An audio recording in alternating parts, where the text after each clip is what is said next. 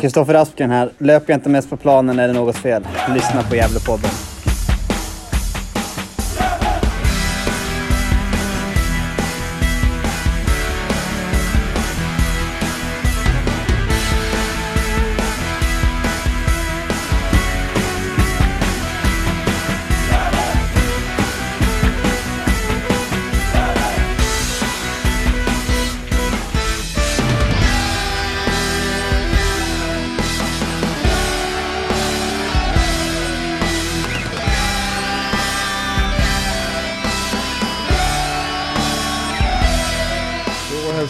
Varmt välkomna till ett nytt avsnitt av Gallepodden. Det är 381 i ordningen.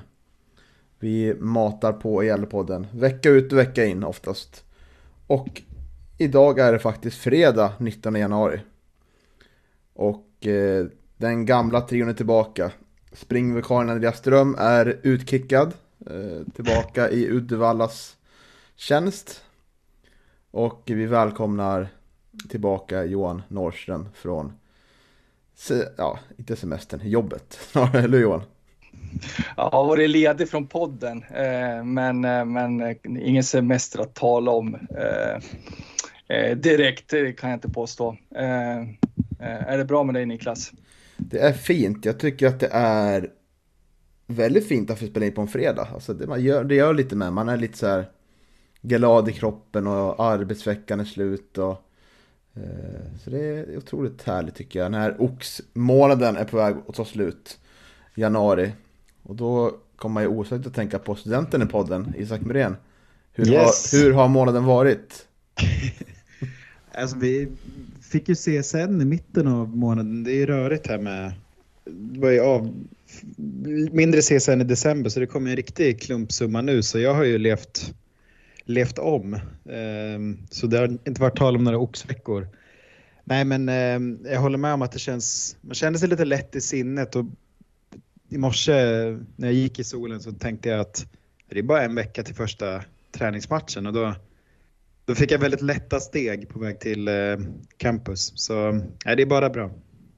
Ja, härligt att ni har fått eh, fredagsfeeling ni två då. Mm. Mm, inte du Johan? Jo, det lär jag väl ändå säga. För en gångs skull så ska jag vara ledig en hel helg så att eh, jo, men det är fredagsfeeling för mig också. Helt klart. Mm. Härligt. Mm, härligt. Och ja, vi spelar in på fredag. Och det gör vi för att det har hänt lite, lite saker som vi väl har väntat ut lite. Dels så har vi ju, det händer lite på spelarfronten.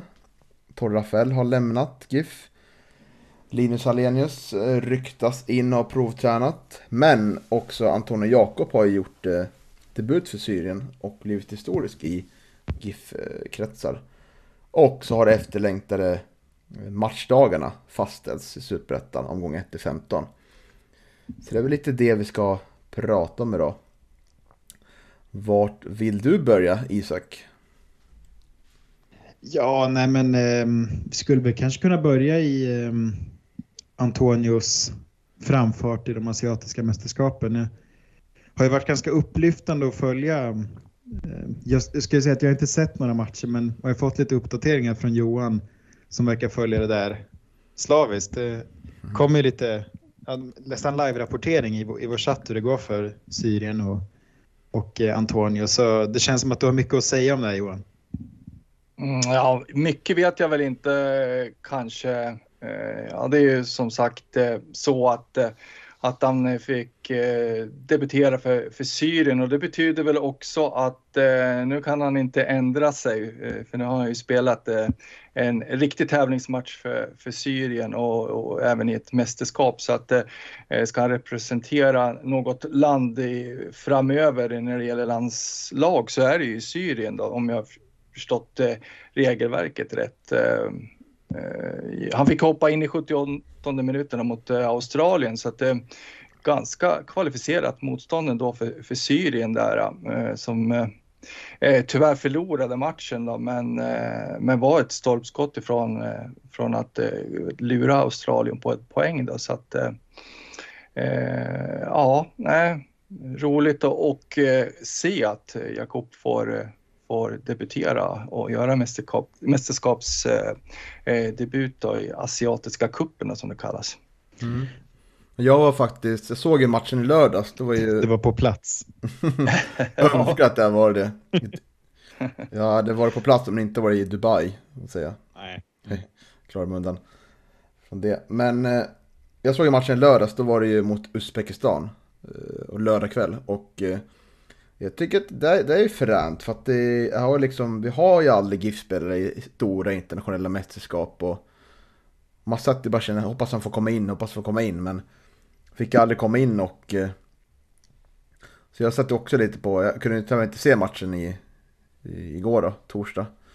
Men eh, eh, ja, det är häftigt tycker jag. Han har ju liksom satt satt sitt namn nu i Gävle IF-historien med att vara, bli den första som har representerat Gävle IF i ett eh, internationellt mästerskap.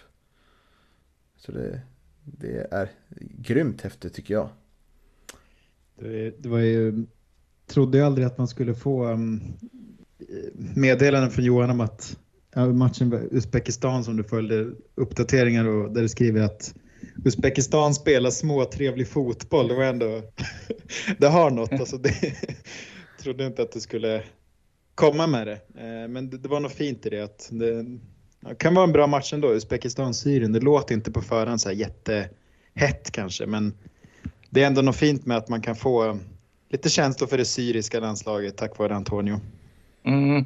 Ja, nej, jag överraskar nästan mig själv faktiskt. Eh, men, men det är roligt eh, på sätt och vis att jag man ändå haft chansen att, att se de här matcherna. Jag kommer att kunna se eh, Syriens match mot eh, Indien också på tisdag så att eh, jag hoppas ju verkligen att eh, Antonio får, får chansen att, att spela, få speltid då också. För eh, i den här matchen mot eh, Australien, han får ju förvisso hoppa in men blir ju tyvärr inte så väldigt delaktig i, i spelet för att eh, eh som sagt, man försöker väl se på en forcering där från Syrien på slutet då, när Australien eh, leder med 1-0 men, eh, men det är väl som att ja, de spelare som byts in blir väl kanske inte någon riktig injektion för, för, för Syrien för att Eh, Eh, det är många andra i, i Syriens lag som har sprungit trötta så att det, det blir ingen liksom, forcering utan, utan det, blir, eh, det blir ganska enkelt för, för Australien att eh, eh reda ut det där. Eh, så äh, men lite synd att inte Antonio fick lite mer bollkontakter och sådär tycker jag. Utan han fick väl mest ägna sig åt att jaga och slita. Lite som man får, får göra i Gävle, eller som man i alla fall fått gjort i Gävle under 2023. Då. Mm. Och eh, sista matchen, eh, ja, de möter ju Indien. Och eh, det är två lag för varje grupp som går vidare. Så det är ganska liten chans, även om Syrien skulle vinna, att de går vidare för att de har fyra, fyra stycken mindre mål då i målskillnaden som man säger. Det, jag tror att det är två stycken av de bästa treorna också mm. som går vidare så att det finns, det finns en chans för Syrien och ja, men då måste man ju, då måste man vinna över Indien. Precis, tänkte komma in på det. Eh, men Indien har ju noll poäng så de borde ju, borde ju kunna, kunna gå för det med det. Jag tycker att de inte var riktigt, mm, var ett bättre lag mot Uzbekistan så det var ju välförtjänt. Men eh, sista matchen är på, eh, på tisdag 12.30. Ingen, ja. Det är bara vänliga tider för dig Johan som är ledig på dagarna ibland. Ja, precis. Eh, som sagt, jag, jag kommer se matchen så att eh, ja, nej, det ska bli kul. Verkligen. Mm, det är ju ändå fint att vi sitter och recenserar asiatiska mästerskapen här. Det trodde mm. man inte. Nej, exakt. Mm. Som jag säger, jag överraskar mig själv lite grann ja. faktiskt. Men ehm, ja, på tal om Antonio så känns ju ändå lite som att det skett någon öppning här med, med relationen GIF-Antoni. Vi har ju pratat om det senast med, med Andreas också. Eh, men det, det jag läste av, det har varit någon intervju med honom i Fotbollskanalen och sådär. Och, och även att jag såg att han hade varit in lite på Twitter och, och, och kommenterat det vi hade, eller det du hade lagt upp Johan, eh, om honom. Så, så känns det ändå som att, att det verkar vara GIF som gäller nu. Eh, eller vad, vad tror vi? Jo, men det absolut. Det, det, känns ju ändå som att eh, Micke och Antonio har haft något eh, typ av eh, försoningssamtal är, det, det kanske är dramatiskt att säga så. Det, det, det kanske är en, har varit en mindre vet du, konflikt än, än vad vi, vi kanske har blåst upp det till, vi supportrar. Eh, men eh, eh det låter ju som Antonio ingår i, i liksom Mickes planer inför 2024 så att det, det känns som sagt på något sätt eh, eh hoppfullt ändå för att det, som sagt det är ju en duktig fotbollsspelare så att eh jag blir ju jätteglad om han blir kvar. Mm. Ja, han talar ju nu om att det finns, han vill ha fyra anfallare och där nämns ju Antonio i den besättningen då och eh, det känns som mer och mer man läser ut av intervjuerna med Micke, mer så verkar det mer och mer som man lutar åt att ta ett eh, tvåmananfall på ett eller annat sätt. Så och då finns det ju större chans att slå sig in i en startelva. Mm. Eh, så jag tror väl också det, men jag tror samtidigt att både, både Micke och Antonio och hans agent är väl öppna för vilka bud det kan komma in och sånt. För jag tror Micke vet ju vad han Antonio, Antonio vet vad han Micke liksom att att han var liksom inte första valet när han var i klubben i Superettan senast. Och eh, vet ju både Antonios brister och, eh, och kompetenser så att eh, han inte presterade när han startade senast. Även om det var på en kant så, eh, så tror jag att eh, de har nog det i åtanke liksom att, att nu är båda, båda inställda på att han är GIF och eh, kommer göra så bra han kan men skulle det komma ett bud så tror jag inte alls man kan vara att de inte är 100% negativa till det. Det är vad jag tror i alla fall. Ja, och eh, alltså att spela ett stort mästerskap, det, det gör väl också att han har möjlighet att visa upp sig lite. Så även om man inte får jättemycket speltid så skulle det kunna innebära att någon får upp ögonen för honom och, och eh, blir sugen på att värva. Transferfönstret har, har det öppnat för kontrakt, spelare med kontrakt eller hur är det? Är det nästa vecka?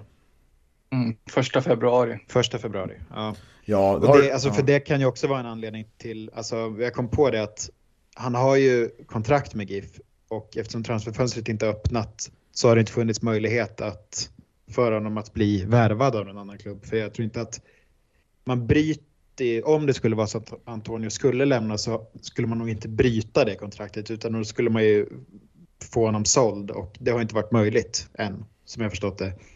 Så eh, det kan ju också vara en anledning till att, eh, att, att han räknas med i de planerna som finns för säsongen 24. Att det har inte kommit någon bud och, eh, och det har inte varit möjligt än. Men det, det återstår ju att se. Mm, och finns det inga bud så finns det ju ingenting konkret att liksom, uh, ja. Nej är, nej, exakt. Det finns ju inget konkret för, för Micke och Gävle liksom att eh, ta på heller där så att eh, eh, nej, men så är det väl kanske att kommer, kommer ett bud så, så, så, eh, så klart att Gävle säkert är intresserade. Det, det, är ju bara ett år kvar på, på Jakobs kontrakt också ska man, in, ja, ska man ju inte glömma då. Nej, och eh, ja, det vore häftigt om man gör mål liksom. Framförallt tänk om man skulle göra så här, ett drömmål. Så här, tänk Timo Skrabb, Nappel Åtvidaberg mot Gävle IF liksom. Alltså ett sånt mål kan ju betyda liksom att eh, värdet på Antonio höjs rejält, liksom marknadsvärdet. Och eh, så man hoppas verkligen att han får speltid nu och lyckas knoppa in någon boll eller så, för då kan ju liksom då kan det komma in mycket pengar tror jag, bud sådär. Det finns ju klubbar som inte kanske är går på helheten i många spel utan bara går på snygga mål och sånt. Med det sagt så är inte Antonio en dålig spelare men ni kanske förstår hur jag, hur jag tänker liksom. Mm. Ja absolut, men då kanske vi vill ha kvar honom också, jag vet inte. Mm. Mm. men äh, ja, så kan det ju vara. Det, vi får se på tisdag var det va? Ja, 12.30. Yes. Yes. Uh, kul att Uzbekistan fick lite spel till RL-podden också. Mm. det är ju en, är ju en stat som man inte besökt än. ja, det, det, det kanske blir ditt nästa resmål Niklas, vem vet? Ja, vet inte ens, vet inte ens vad huvudstaden heter. Nej, jag kommer inte ihåg det nu. Jag Nej, inte jag Men ja, kanske om det är en sån riktig groundhopper så kanske man Kanske det är värt att besöka Uzbekistan. Ja. Verkligen. Nej, står inte jättehögt upp på min lista faktiskt. Nej. Nej. Nog om det. Eh, Jag tycker att vi tar nyheten om Torre Rafael först där innan vi grottar in oss i Linus Hallenius gate. Eh, Det kom ut häromdagen. Torre Rafael och Gävle IF kommer överens om att bryta kontraktet. Eh, Det står väl inte riktigt... Man får, det är svårt att läsa ut tycker jag vem som har kommit överens om att byta kontrakt Om det är på Gävle sida eller Torres sida. Men det verkar som att han är eh, klar i alla fall för en klubb ett, ettan.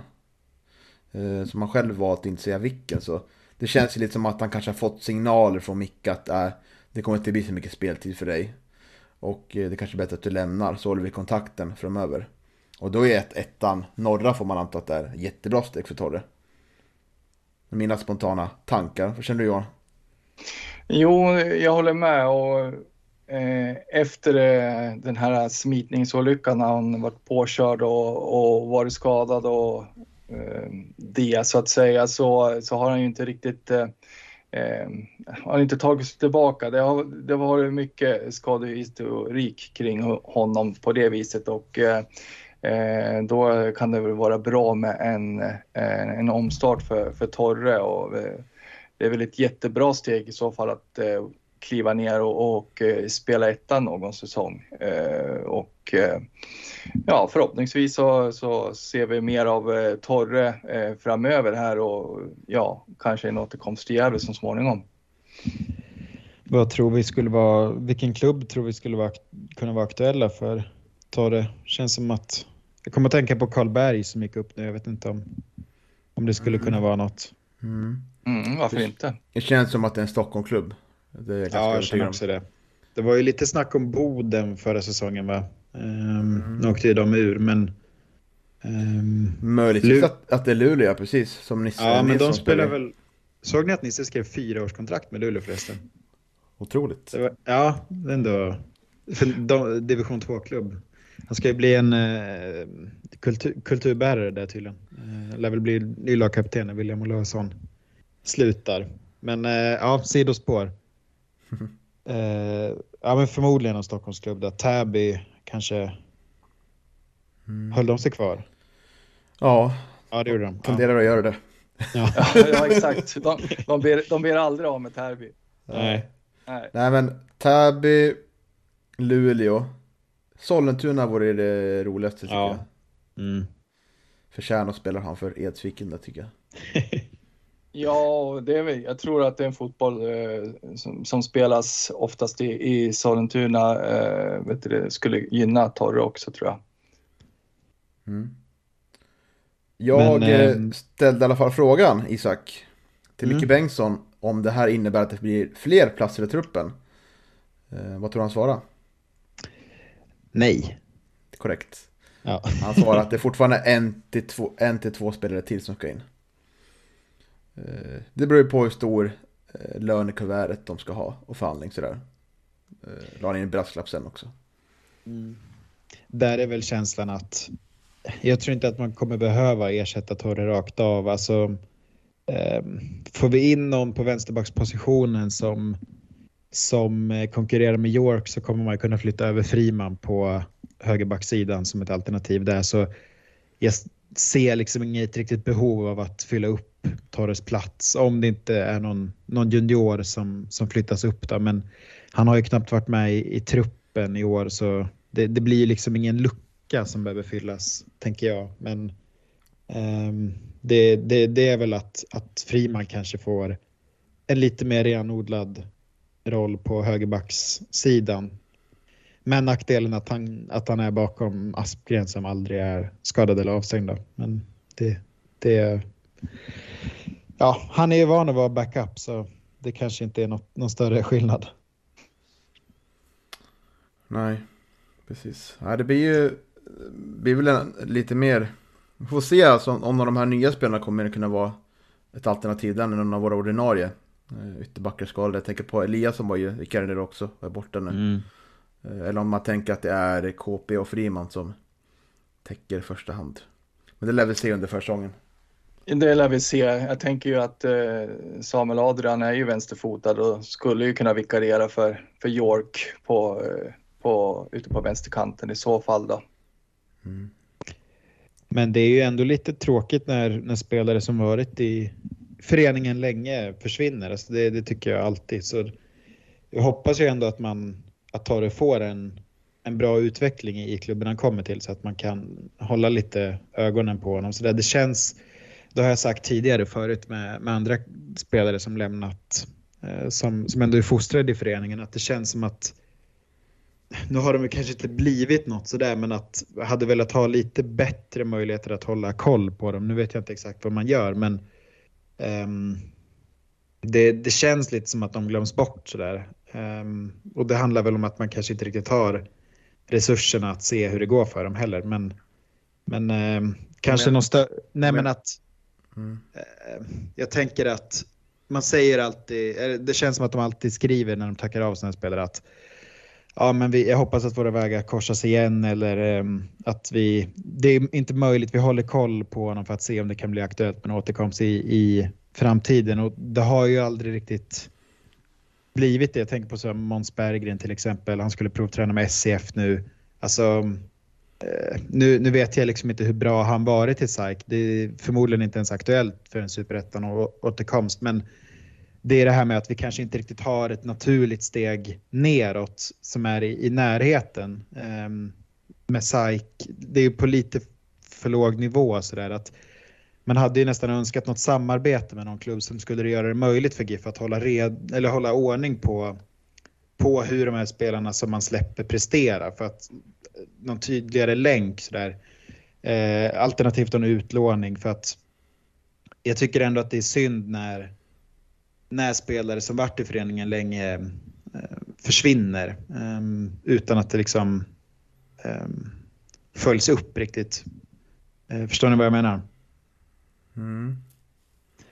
Men det som talar emot det säger jag ju att vi har ju haft Aspgren, Hjälte, sådana spelare som kommer tillbaka senare. Det kanske inte handlar om två, tre år utan det kan ju, det kan ju vara ett längre, en längre intervall att, att de återvänder om fem år eh, när de har samla på sig erfarenhet. Um, för där har det ändå varit ett gäng som har kommit tillbaka från ja, Sandviken i, i det här fallet. Då. Så det är väl lite både och. Men, men en tydligare länk mellan eh, kanske en samarbetsklubb. Men det är väl så att eh, man skriver så att vi kommer hålla kontakter. Men jag tror det det innebär i praktiken att hade de varit tillräckligt nära att konkurrera med startplats, där hade man skrivit längre kontrakt låna ut dem.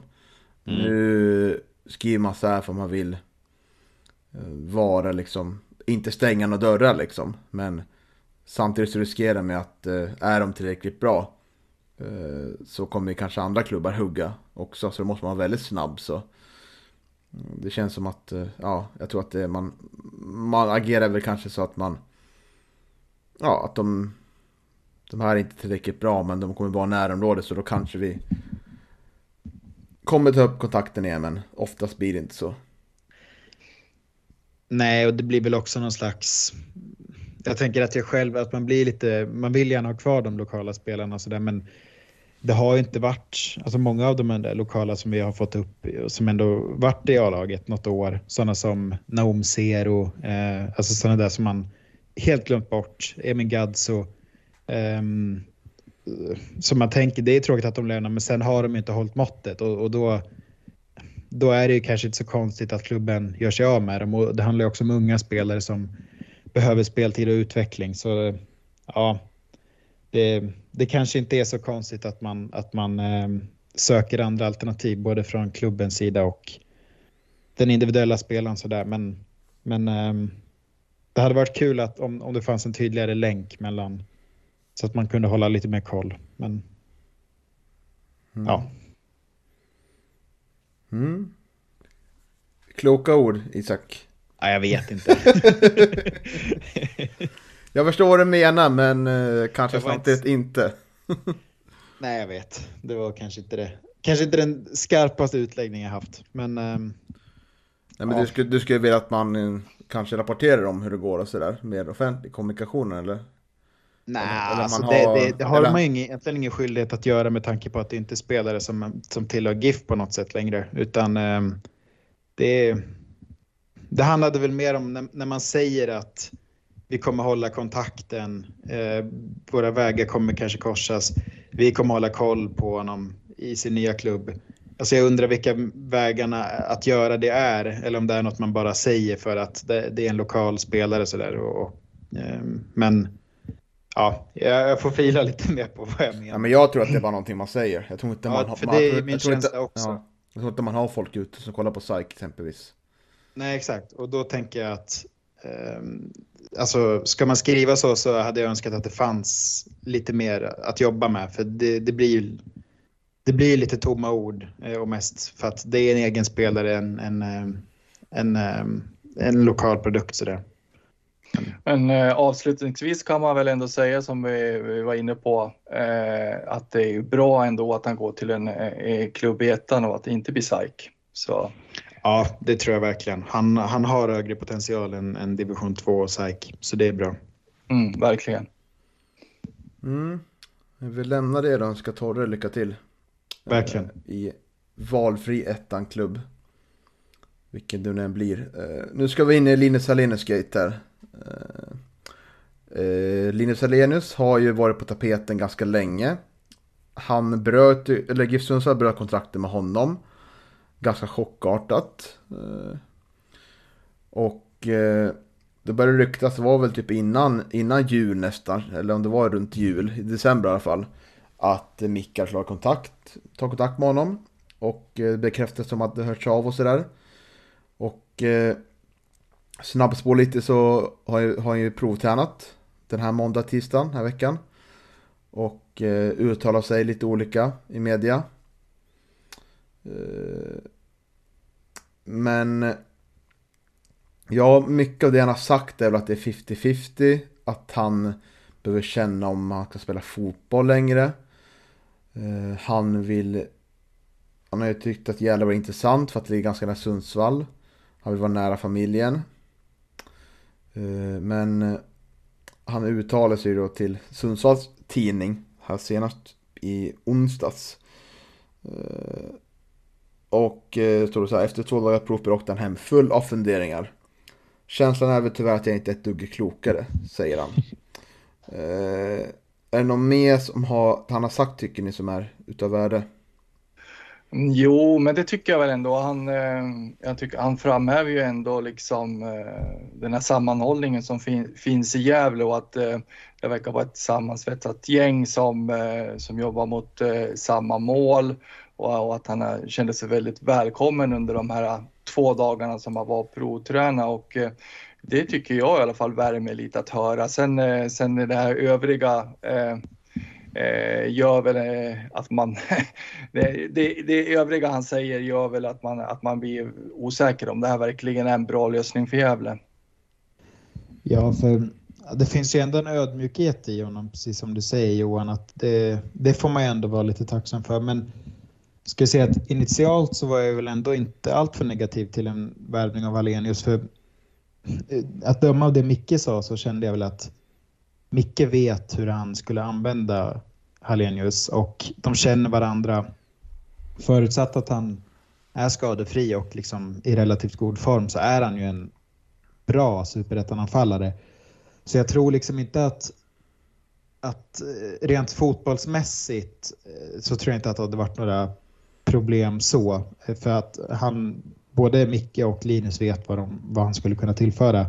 Så det var väl att jag, jag tänkte att det hade ju ändå varit en värvning som hade stuckit ut. Det hade ändå gett lite publicitet till, till GIF och vi hade fått en ganska bra anfallsuppsättning. Men sen, ju mer tiden gått så, så har man ju börjat tveka på det här och just nu är väl känslan att eh, Linus verkar inte vara supersugen på att fortsätta spela fotboll och har man en spelare som, som tvekar över det då kanske det inte är rätt värvning att göra eh, om vi ska framåt och uppåt. Så nej, det, Nej, nej precis och det är ju, vet du, man behöver ju vara 100% motiverad naturligtvis om man ska spela på, på den här nivån och eh, ja, vad, vad kan det vara för kontrakt som är aktuellt om man skriver på ett år? Vad, vad händer om, om Linus i, i mitten på maj, kanske början på juni börjar känna att ja, nej, det här var, vart inte så bra liksom. Eh, det blir, det blir för jobbigt att börja pendla och,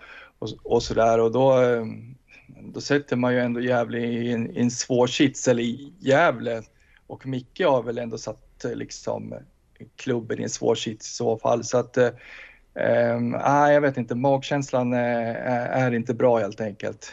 Mm. Ja, jag har också liknande tankar. Det är det som är positiva med Walker som säger att det är en meriterad anfallare. Gjorde det bara för ja, 2021, gjorde 15 mål i Superettan. Eh, och eh, har det som krävs på den här nivån. Och det var ju ett Sundsvall då som gick rakt upp i Allsvenskan. Så han kan göra mål, men det är det som talar emot tycker jag är åldern. Han är gammal. Skadebenägen. Och eh, som ni säger, det känns som att uttalanden har gjort senaste veckan att och efter att han lämnat Sundsvall att det känns som att det är lite chock fortfarande, kanske lite eh, slängd under bussen av Sundsvall över känslan att han att han känner sig liksom att eh, eh att han kanske fortfarande känner, känner att det är jobbigt liksom att han blev utslängd därifrån klubben. Han har spelat jättelänge sådär och eh, Eh, det kan väl dock vända till något positivt och ta revansch och sånt men det känns som att han inte är helt klar med att spela fotboll och eh, har, man de, har man de tankarna liksom så måste man verkligen känna att eh, nu vill jag spela fotboll liksom och är man inte helt klar med det efter att fundera länge liksom så eh, det känns som att då kanske man ska skriva ett då kanske ett halvårskontrakt man kan skriva i så fall liksom. Men det känns ju lite som en chans liksom eftersom inställningen alltså som ni säger, den är lite sisådär liksom. Och eh, vi behöver ju ha anfallare som är riktigt motiverade. Mm, och det är väl så också, han, han, han nämner väl det också att vet du, Gävle kommer ju inte erbjuda honom, kunna erbjuda honom en lön som, som liksom eh, täcker täcker de eh, liksom, eh, ekonomiska behov han har kanske med, med, med familj och, och sådär.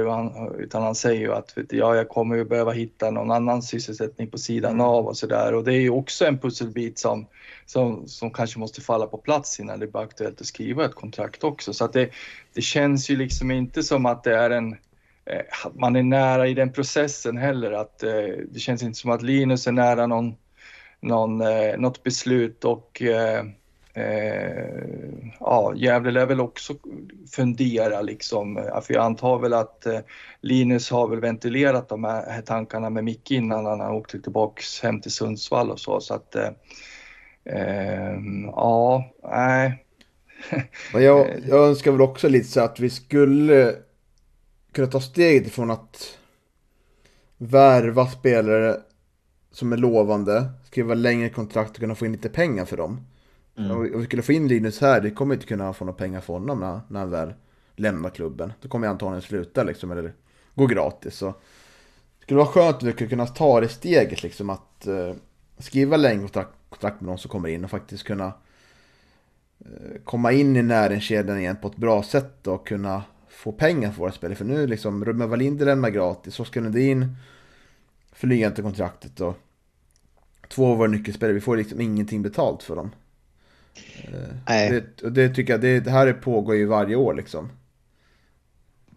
Nej, och där, där sätter du ändå fingret på vad som är ett av de största behoven hos Gävle IF just nu. Alltså, vi, att värva en sån spelare skulle ju, det är ju ganska kortsiktigt, även om Micke säger att det här skulle kunna ge något på lång sikt med all den erfarenheten han har. Frågan är ju vad, alltså skulle han kliva in i ledarstaben? Jag vet inte vad, vad Micke tänker där, men um, Alltså, vi, vi måste ju kunna knyta till oss spelare för väldigt många nu. Det är väl tvåårskontrakt vi skriver som längst förutom när vi eh, när Leo förlängde med tre år och, och Martin sådär. Men det är inga spelare vi kommer sälja sen utan eh, vi, vi, kommer stå kvar att stampa på, den, på det stället vi befinner oss på om vi inte börjar skriva längre kontrakt. Eh, och det, det är liksom, vi, har, vi kommer inte nå upp i någon liksom, ekonomiska höjder genom publik eller sponsorintäkter utan vi måste börja sälja spelare och då måste man också förändra lite sättet man, man värvar på. Um, och det är just det här med långa kontrakt. Det är, det är klart att det är, det är en risk att ta. Så det, det handlar väl det går ju från båda hållen. Man måste ju ha en viss ekonomisk bas att stå på för att kunna värva långsiktigt och där är kanske inte Gävle än. Men samtidigt så måste man ju våga chansa lite också för att nå dit och ehm, ja, det, då är kanske inte ett ettårskontrakt av en 35-årig Linus Hallén just det som som skriker framtidstro och, och optimism sådär. där. så Samtidigt så det är klart att vi behöver erfarenhet och så där, men det tror jag ändå att laget har. Alltså jag tror att det finns i, i Leo, Martin, Oskar Jonsson har ändå erfarenhet. Alltså vi har, vi har spelare som har varit med på den här nivån eh, tillräckligt länge för att, att det ska vara nog. Eller inte nog då, men, men eh, jag tror att det behovet ändå är täckt lite. Ja, den potten är ju fylld ändå. Det, det är ju samma sak med Browning och, och eh, Samuel ja. Adrian också. Det är också spelare som har erfarenhet av att eh, spela på den här nivån. Så att, eh, nej, just den, den potten eh, när det gäller er, erfarna spelare, den, den, känns ändå ganska välfylld måste jag säga. Mm. Så vi, just nu säger vi nej tack till Linus Elenius. Ja. Ja, det gör vi. vi får se, det känns som att det borde klarna ganska snart tror jag. Jag ser den kommande veckan hur det blir. Eh, Kanske hamnar i Hudik istället. Mm. Mm. Varför inte? Det hade varit något. Ja. Nej, men, alltså, det är klart att jag, jag tvivlar inte på Linus fotbollsmässiga förmågor. Alltså, där vet vi vad han kan och det vet Micke också. Det, det är just motivationen. Um, Eh, och det, det som ändå är positivt är väl att det känns som att Hallenius, han vet ju han vet ju vad som kommer krävas av honom för att han ska ta steget till GIF. Så jag tror ändå att om man gör det så kommer det bli helhjärtat. Men att han tvivlar nu sänder kanske signaler om att, det, att han inte är riktigt där än. Men eh, nej, vi, än så länge säger vi nej. Eh, men det, vi får se vad som händer. Mm. Vi, vi rör oss vidare. Vi har inte haft, vi har inte så mycket mer annat sillesnack att prata om utan eh, det har inte ryktats om, om Utrin heller och eh, jag har tyvärr inte för de som sitter och hoppas att uh, Jocka kommer med någon ny bomb som Samuel Adrian att jag ser i framtiden. Jag har tyvärr ingen sån sia nu liksom. Jag måste jag kan inte hålla på och bränna liksom, bara slänga ur med namn här. Mitt förtroende är förbrukat. Eh, så jag tänker att eh, vi har en ny programpunkt Johan. Mm, så jag tänker att eh, du kan få intressera den, så hämtar jag en kopp kaffe under tiden. Ja, okej. Okay. Ja, jag ska försöka lägga ut orden Niklas, du får, du får hälla upp fort. Du vet ju att jag gillar att hålla det kort.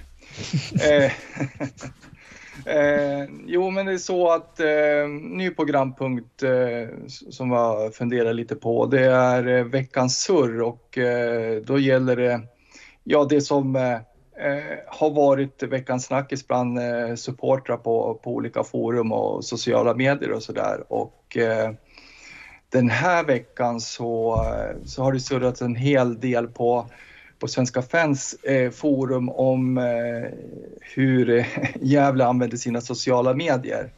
Och jag vet ju att vi har berört det här lite tidigare också. Eh, och den eh, främsta kritiken som har riktats mot Gävle eh, den här veckan och på forumet eh, längre tillbaka, det är ju just den här som vi berörde i början av podden, just att Jakob spelar i asiatiska mästerskapen. Att klubben inte har skrivit någonting om det. Eh, nu verkar det ju ändå som att eh, någon på, på eh, Gävlets kansli ändå läser på forumet för eh, det kommer ju faktiskt en uppdatering eh, från, från klubben eh, gällande Jakob och hans eh, eh, inhopp eh, mot Australien. Då. Men eh, men eh, jag vet inte vad ni säger. Eh, visst det finns det väl en hel del att önska från Gävle när det gäller eh, hur man använder sina sociala medier. Ja, definitivt. Alltså, det har vi ju varit inne på förut eh, och under säsongen mycket så kopplat till, till matcharrangemang och annonsering att det är ju ett problem att Gävle ligger ganska långt efter på, på den utvecklingen och är väl kanske inte så, så synliga som man hade behövt vara. Så det här är ju liksom, det sätter ju fingret på något större in, inom hela klubben hur man jobbar med att synas och marknadsföras tycker jag. Um, men just när det gäller Antonio och asiatiska mästerskapen så där har man ju ändå en chans att skapa lite uppmärksamhet och, och visa på att vi, vi har faktiskt en spelare i ett stort internationellt mästerskap och, och det är vi stolta över. Att, nu kom det ju ett inlägg och, och det är ju bra ändå men, men um, det blir ju alltid att man får läsa om sånt här i GD och alltså det finns ju något som är när, när klubbar tagit steget ut till att bara använda, att man använder mest sociala medier som kommunikationsverktyg, det blir att man styr sitt eget narrativ på något sätt. Alltså Gävle väljer vad man vill kommunicera och i de stora klubbarna så, så blir det väl mer att då är man kanske inte lika öppen för intervjuer och sånt med företrädare från klubben, vilket gör att man, man kan styra lite med vad som sägs utåt och jag tycker att det finns ändå något fint med att GIF är en väldigt öppen klubb där det går att få svar direkt från företrädare högt upp inom klubben. Sådär. Men um, samtidigt måste man också bli bättre på att styra sitt narrativ och, och uh, synas och vara först på bollen. För det är också det här det handlar om att GIF har ju vetat att Tony ska spela asiatiska mästerskapen länge, eh, antar jag då borde man kommunicera det så fort han tas ut. Eh, för nu blir det att vi läser om det i GD och sen när han gjort inhopp, då kommer det på sociala medier. Alltså det, det sker, man är ett steg efter i processen hela tiden och där, vi måste ju skifta från att bli ett steg efter till ett steg före och det är väl där problemet ligger lite. Samma med matcharrangemang. Alltså annonsera, inte bara samma vecka, veckan innan, kanske två veckor innan sådär. Så man måste skifta fokus där känner jag. Mm. Um, ja, framförallt när det så Antonios inhopp är en historisk händelse liksom, för GIF. Ja, ja. Det, det har aldrig hänt förr liksom. Och det borde vara jättestort ump, utpumpat liksom. Uh, så uh, jag håller med. Men jag tycker också att nu har det kommit upp försäsongsschemat liksom på hemsidan. Men eh, det fick ju liksom både vi och Gefle Dagblad fråga efter. Och det borde liksom direkt när det satt borde komma upp på sociala medier och hemsidan så folk har någonting att längta efter. Så, så att det, det tar lite lång tid för saker att komma fram tycker jag. Eh, sociala medier och mm. sånt. Och jag tycker även att man hade ju i Gävle kommun brukar jag så här eh, lite återkommande, kanske sluta med nu med förra för att det var så här den här veckan får den här verksamheten skylta med eh, vad de gör på Instagram. Så här stafett, stafettveckor typ kallar man det. Och det borde man kanske kunna ha in och, in och gälla IF också. Att den här veckan så får eh, Micke eh, skylta lite med vad han gör på sitt jobb, vad han pratar om. Eh, Tim Markström kanske annan vecka, kanske på kansliet, någon ungdomslag. Så här man tar, skapar händelser liksom, skapar liksom content och innehåll liksom. För det tror jag folk är intresserade av. Och lägger man ut en massa olika ansvar, då behöver det inte bara vara ja, Karin då, så kanske är den som, är, som får jobba med det, utan då blir det andra som får, eh, får ansvar. Att man sätter en struktur kring det hela och jobbar utifrån den.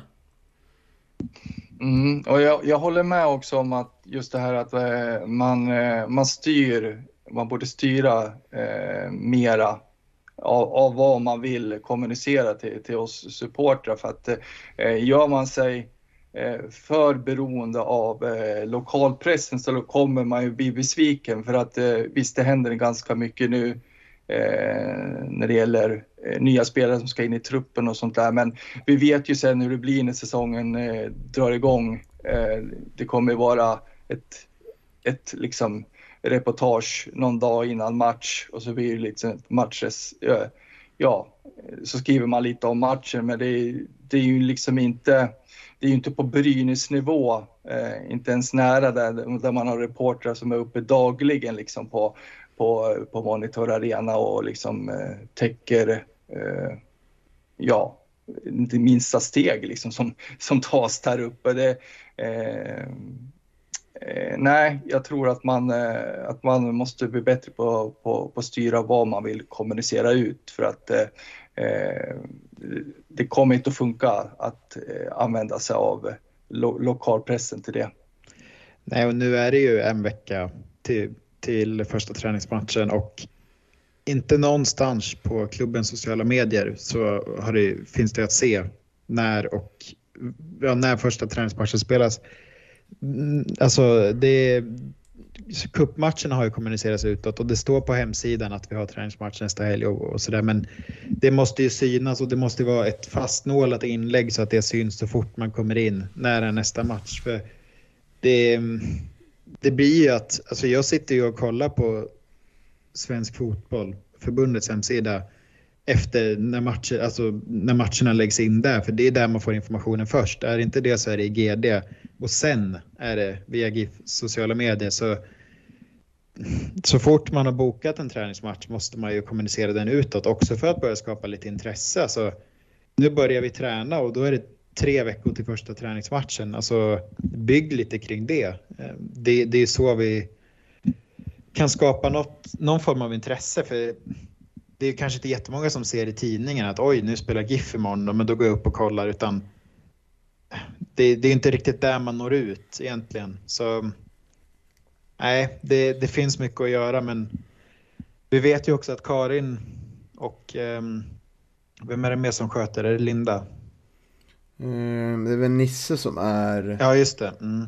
ansvarig för eh, hemsidan och eh, någon mer va? Vart jag osäker mm. på. Eh. Jo, för alltså, det hade ju varit jättebra med någon intervju med dem också. Bara, det här gör vi. Um, så här jobbar vi för att synas mer. Um, men det är ju det är klart att de jobbar ju med begränsade resurser. Karin har ju inte en heltidstjänst på kansliet utan jobbar ju deltid och, och har väl kanske inte riktigt de möjligheterna i med det. Så det, det är lätt att kräva mycket när förutsättningar kanske inte finns men, men samtidigt är det ju det kostar inte jättemycket att synas i sociala medier. Så det är nästan gratis reklam eh, som, som man missar lite att göra och det, det är synd. Jo, men det är ju lite så också, promota som vi, vi var inne på för någon vecka sedan just eh, första träningen och eh, att vi, du och Niklas och ni från Kärrekläktaren har fått tjatat på, på Gävle när, när, man lägger den där första träningen. Tidigare har det varit liksom eh, tidigt på dagen då och, eh, och, och, nu vart det ju ändå efter, för, efter många års tjat, om jag har förstått saken rätt, eh, ändå en, en kvällsträning då. Eh, samma sak när det gäller eh, första träningsmatchen på, på Gavlevallen. Det brukar eh, faktiskt vara ganska mycket folk på den matchen har varit historiskt och eh, där har man ju verkligen en, eh, en chans liksom att eh, skapa en hype och ett intresse för säsongen också. Att om man går ut tidigt att, och liksom gör gör reklam för, för den första träningsmatchen på Gavlevallen. Så att, äh, ja, nej, men det finns mycket att göra helt enkelt. Ja, och eh, får vi säga att jag tycker ändå, nu är jag inne och kollar på Gävles Instagram rent visuellt, så här, man gör det ändå bra. Det, det är tydligt, det, det, syns att allting kommer från klubben. Man har liksom tydligt grafiskt där och jag tycker också att det här med Micke Ringer, alltså man, där gör man ju någonting för att mm. skapa lite uppmärksamhet kring, kring nyförvärv och även om det kanske tagit lite väl lång tid mellan inlägg och att spelaren presenteras så, så jobbar man ju ändå med att skapa lite uppmärksamhet och man hade ju också den här intervjun med Kraft. Ehm, så jag tror att, att, att man gör saker och man man vill göra saker men att resurserna kanske inte riktigt finns. Men det känns som att det hade behövts lite mer struktur i det hela eh, och tydlighet, konsekvent. Mm. Absolut. Men när vi ändå är inne på veckans snackis så måste vi ändå kommentera det som Simon Rydell delade på Twitter här, eller X som det heter nu. Att eh, kommentatorn i matchen mellan Syrien och Australien kommenterar ju Gävle för en medeltida stad i centrala Sverige. Otroligt. Ja. Eh, Ja, det är ga ganska nära sanningen ändå faktiskt. Ja. Otroligt. Var det stadsprivilegierna eller vad var det som fick dem att tro att det var medeltida stad? Ja, jag vet inte, de har ju missat den med 200 år ändå tror jag, för att det var väl mitten på 1400-talet någon gång de man ja. fick, eh, fick dem. Så att, eh, men det kanske är att vi bränner bockar och, och eh, pysslar med lite annat konstigt i den här stan som, som, som, har, som har spridit sig internationellt, vad vet jag. Ja, det är sant. Men eh, innan vi lämnar punkten så kanske vi kan nämna att eh, vi kommer ha en livepodd mm. den 9 februari. Och eh, vi har lite planer på att, eh, vi har inte ställt den här frågan, men att kanske få in Karin som gäst i podden. För att prata mm. lite sociala medier och kommunikation. Så skriv upp datumet 9 februari på kvällen. Så får ni mm. hålla utkik på våra sociala medier, vilka som gästar. Och vad vi kan prata om. Men, eh, och det är alltså en, en eh, det är live-radio kan man säga. Så det, ja. det kommer ju sändas Förmodligen från Niklas vardagsrum, mm. antar jag. Mm. Ehm, och, och, så att man kan höra det live. Då. Vi, vi kommer inte sitta på någon restaurang eller sådär. Men live-radio, live-podd. Precis. det ska bli trevligt. Mm, verkligen.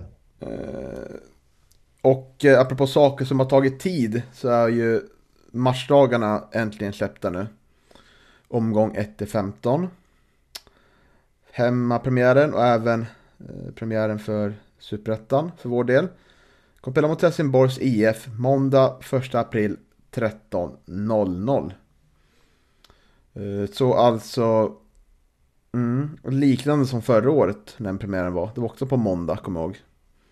Mm, påskhelgen. Ja, precis. Jag hade gärna haft det på lördag eller söndag där.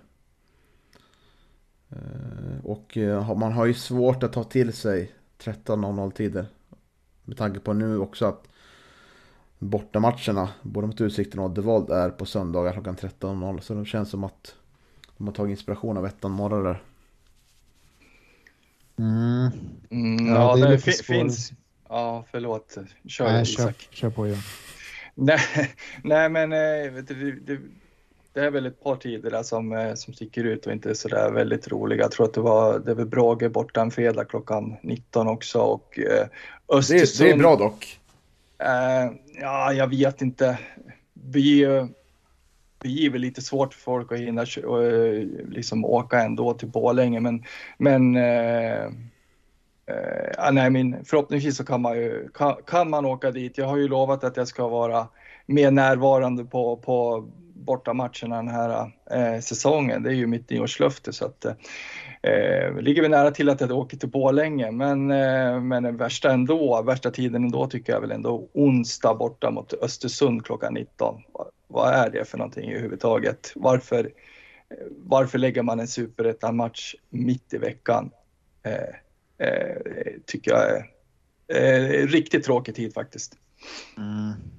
Sen det positiva är väl att hemmaderbyt mot Sandviken blir det på lördagen 27 april. Um, då, det, det, är ändå en bra tid klockan tre. Um, vi var ju lite oroliga att det skulle bli tisdagsmatch där. Um, men det, det ser ändå ut som att det kan bli ganska bra förutsättningar för stor publik. Och sen Sundsvall hemma en fredag 17 maj är väl också ganska ganska bra. Det känns som att vi ofta får Sundsvall hemma där i maj och då har det ändå varit en del folk. Så där är väl ändå förhoppningar om att det ska kunna bli en del folk. Men ehm, ja, det är generellt, det är ganska mycket, det är så tveksamma även i allsvenskan tider. Så där, nu har man fått det till att söndagsmatcherna ska bli klockan två och halv fem istället för tre, halv sex tror jag. Men, men det, det är ju lite synd det här med för speciellt Östersund-Gävle hade ju kunnat vara en match som, som ändå lockar lite publik men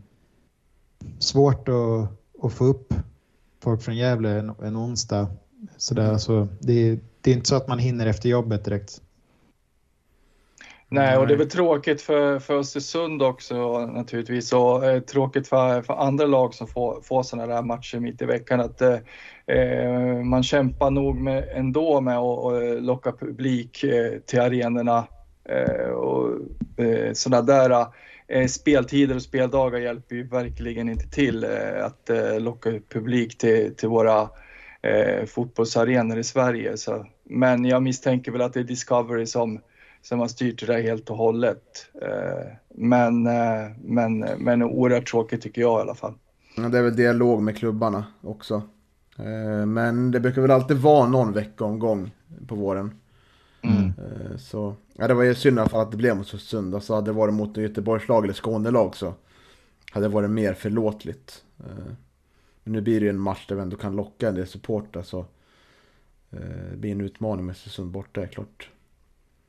Men eh, vårsäsongen då, gång 14 avslutas som sagt med Brage borta fredag 28 juni 19.00.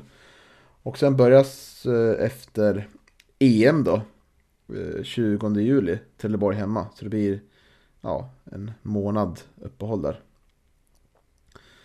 Så det är bara att börja planera i kalenderna. Eh, spika in så. Det blir en trevlig vår. Men först har vi kuppen och träningsmatcher och så vidare.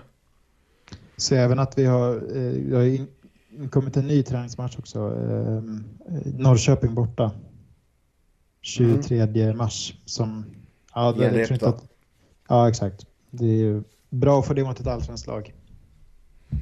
Verkligen. Det, det, är en riktigt bra sparringpartner inför det som komma skall där eh, mot Helsingborg i premiären. Så att, eh, ja, det, det var en väldigt bra match att få in tycker jag.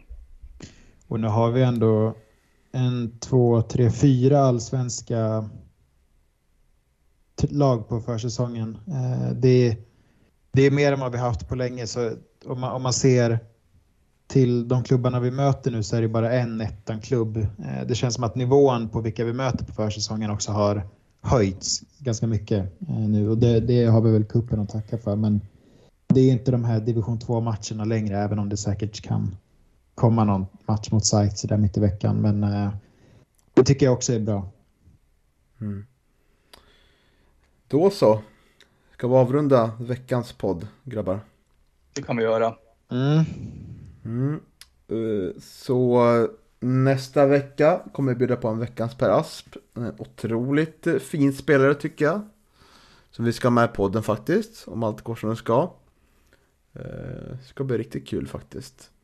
Så ni kan väl suga lite på vem ni tror det blir. Mm. Han har inte gjort många matcher i GIF-tröjan. kan man fundera på vem det kan vara.